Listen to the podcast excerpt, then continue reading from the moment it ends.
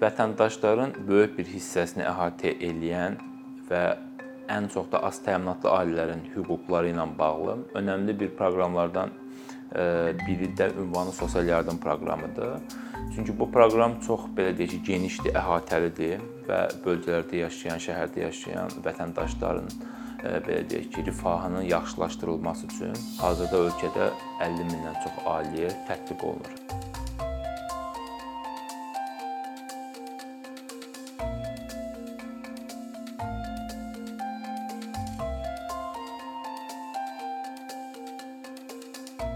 Birinci buna baxaq ki, bu fikir hardan gəlir və bunun fəlsəfəsi nədir?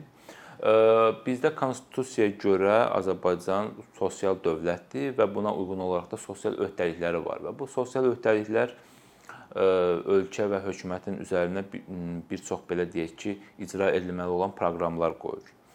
Və burada məsəl üçün aclığın azaldılması, yəni yoxsulluğun azaldılması və digər belə deyək ki, buna oxşar məqsədləri var və bu məqsədlərə uyğun olaraq da proqramlar həyata keçirilir.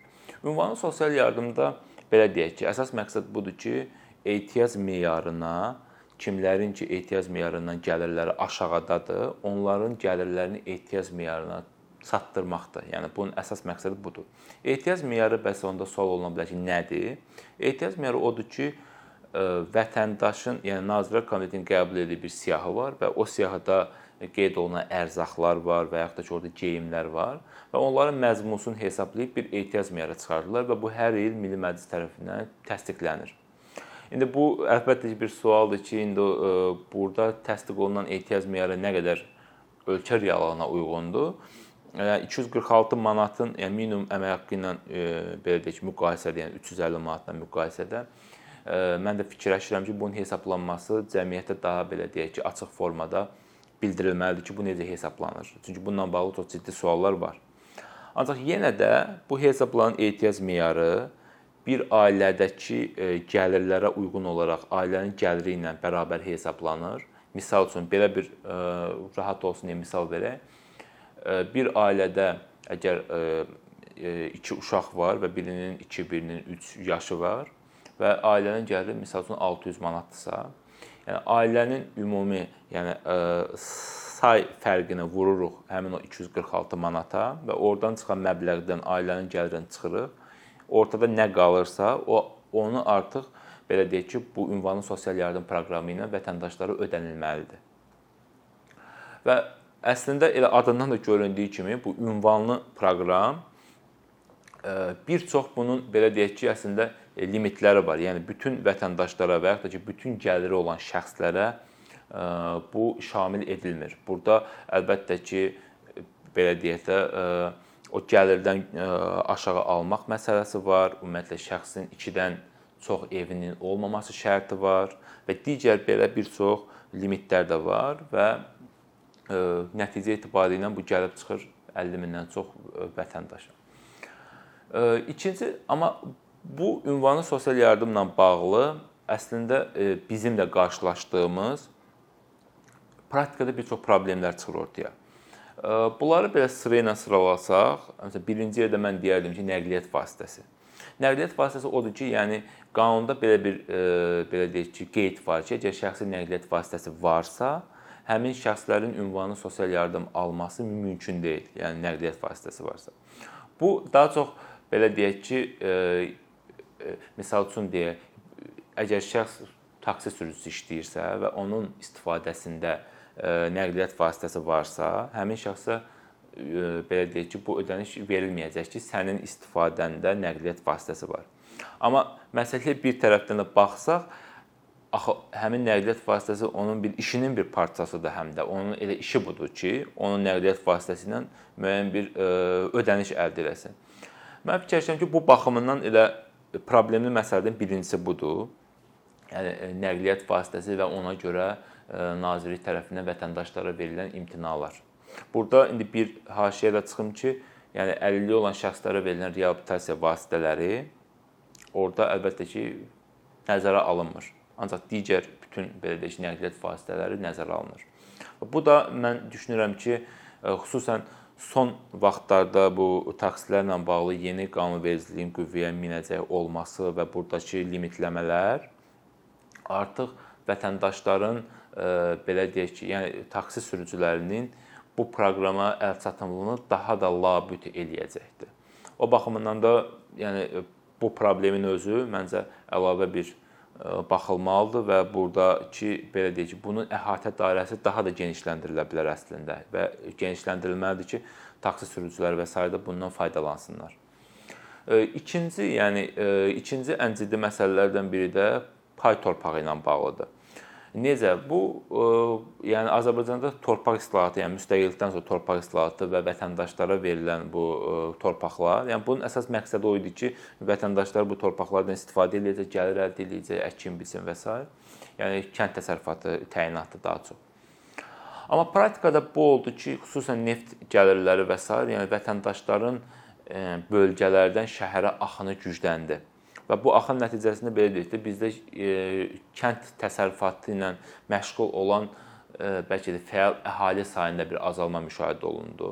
Amma təbii ki, bunun bu pay torpaqlarının sənədlərinin olmaması, bunların konkret sərhədinin və miqyasının olmaması və məsələn bir çox vətəndaş bəlkə də heç onun pay torpağının konkret harda olduğunu və ya da harda start aldığını heç onun məlumatı yoxdur.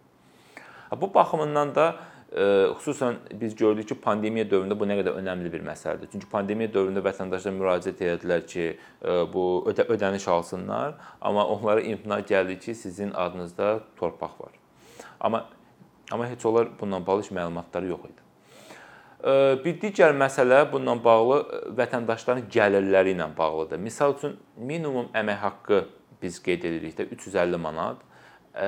Amma vətəndaşın özünün, yəni faktiki olaraq net aldığı gəlir 350 manat olmur axı. Məsəl üçün vətəndaşın orada vergilər, DSMF, işsizlikdən sığorta, icbari tibbi sığorta və digər ödənişlər çıxıldıqdan sonra vətəndaş burada bir ödəniş alır. Amma onun ünvanı sosial yardıma müraciət edərkən onun hesablama qaydası orada aldığı, yəni qros maaşa görə hesablanır. Və bunun özü də artıq çox ciddi bir fərq yəni belə deyək ki, yaradır. Yəni ordakı 50-60 manatlıq bir fərq və yaxud da ki, biraz çox vətəndaşın birbaşa ünvanlı sosial yardım alarkən onun gəlirinin azalmasına, yəni o ödənişi alması ə, alanda onun onun azalmasına çıxardır. Bunun özü də bir digər problemdir. Bundan əlavə bir də mən bir əsas bir problemlə qeyd edeyim ki, inzibati orqanların, yəni məsələn nazirliklərin və s. bu məsələdə qərar verərkən məhkəmə qərarlarını hər dəfə nəzərə almaması. Məsəl üçün məhkəmə bir dəfə qərar verir ki, yəni bir ailədəki kommunal hesablanarkən onu adamın, yəni hər bir şəxsin özünə uyğun hesablayın. Tutalım ki, bizdə hazırda problemdir ki, bir ailədə vətəndaşlar anası, atası ilə birgə yaşayırlar və burada kommunal birgədir və ona görə də bu kommunalı e, bu kommunallar hesablanarkən bu birgə bir vəsait kimi hesablanır.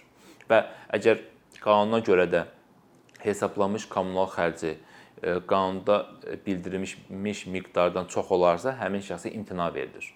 Yəni bunu nazirlik vətəndaşlara bildirir ki, siz gedin bu kommunallara ayırın. Məsəl üçün ana, ata və s. bir olsun, yəni bir sayğacı olsun və ödəniş versin. Həmin ailədə bir versin. Amma ali məhkəmənin bununla bağlı da qərarları var ki, tutalım ki, kommunallar ə, hər bir şəxsin özünə uyğun hesablanmalıdır.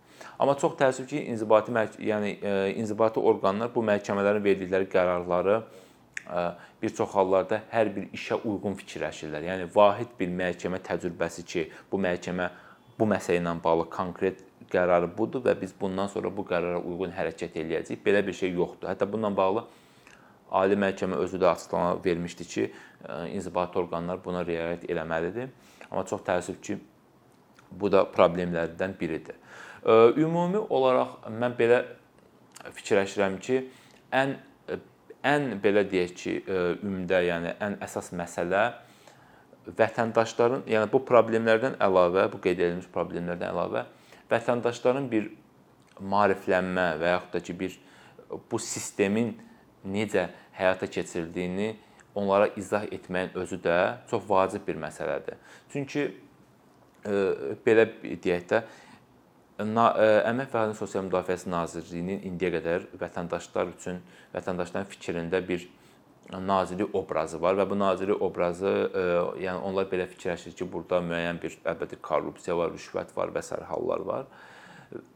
Və indinin özündə də və ona görə də artıq bu sistem onlayn qaydadadır. Yəni ünvanlı sosial yardıma müraciət onlayn qaydadır. Vətəndaş girir, təmsilçi ərizəsi alır, sistemə öz məlumatlarını daxil edir və nəticələri gözləyir. Vətəndaşlar yəni həmin bu ünvanlı sosial yardıma müraciət edərkən onların xüsusən həssas əhali qrupuna mənsub olan əhalinin, onların belə deyək, İKT bacarıqlarının az olması və bu sistemlə bağlı məlumatlılığın vətəndaşlarda az olması ona gətirib çıxardır ki, vətəndaşlar öz ərazilərində, rayonlarında belə deyək ki, şəxslər ortaya çıxır ki, onların əvəzində müraciətlər edirlər və bu müraciətlərdə heç də onlar belə deyək ki, məsul şəxs olmadığı üçün də öz bildikləri kimi, öz bildikləri formada, bəzən vətəndaşların adından, amma onlarda onlarda olmayan bir məlumatı ora qeyd edirlər və bunun da nəticəsində vətəndaşlar imtina alırlar. Və bunun özü də məncə çox e, ciddi bir məsələdir ki, vətəndaşların maarifləndirilməsi həm birbaşa nazirliyin, həm ümumiyyətlə e, dövlət qurumlarının, vətəndaş cəmiyyətinin müxtəlif belə deyək ki, maraqlı qrupların işi olmalıdır ki, vətəndaş bu bu barədə məlumatlansın və özü müraciət etsin. Amma yaxşı olar ki, məsələn, sistemin özündə də bəlkə bir e, indi artıq eləyiblər asan imzada. Yəni e, açılarkən bir bir video belə deyək ki, görüntü olmalıdır və yəqin ki, orada artıq qarşı tərəf müəyyən etməlidir ki, həqiqətən də müraciət edən şəxs e, belə deyək ünvanı sosial yardıma iddialı olan şəxsdirmi? Bu bu məncə sualın özü də qoyulmalıdır və bununla bağlı müxtəlif proqramlar olmalıdır ki, vətəndaş birbaşa müraciət etsin.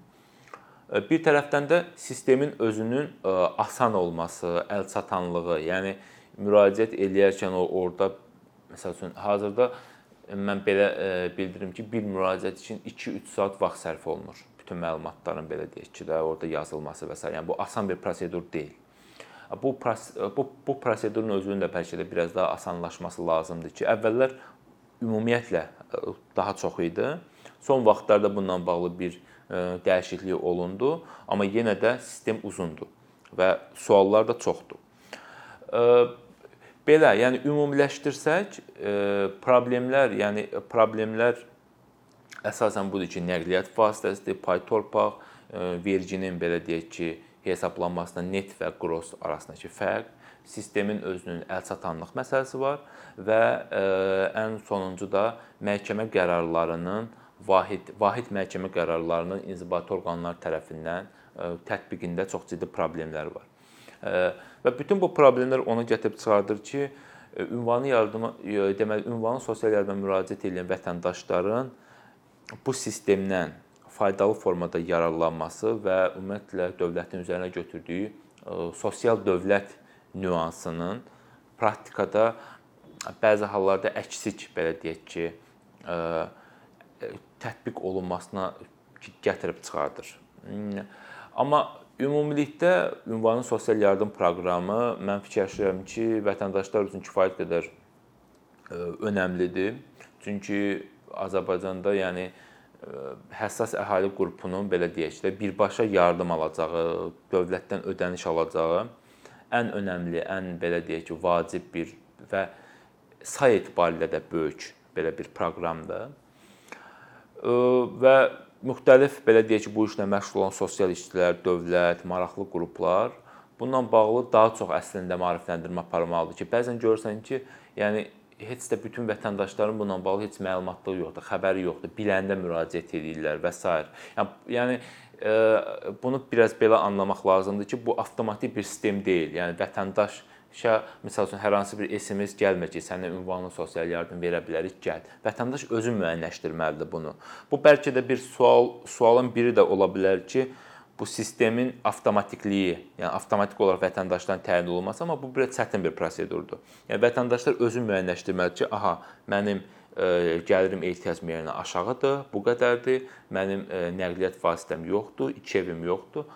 Yəni fikirləşir ki, aha, mən bunu ala bilərəm və ondan sonra prosedur olur. Amma birinci nə olmalıdır? Vətəndaş bunu bilməlidir. Və bu bilmək üçün də sosial şəbəkələr, ümumiyyətlə televiziya, müxtəlif belə deyək ki, bu bununla bağlı maarifləndirici alətlər mütləq formada işləməlidir ki, onlar bu sistemdən faydalana bilib bu ödənişi ala bilsinlər. Thank you.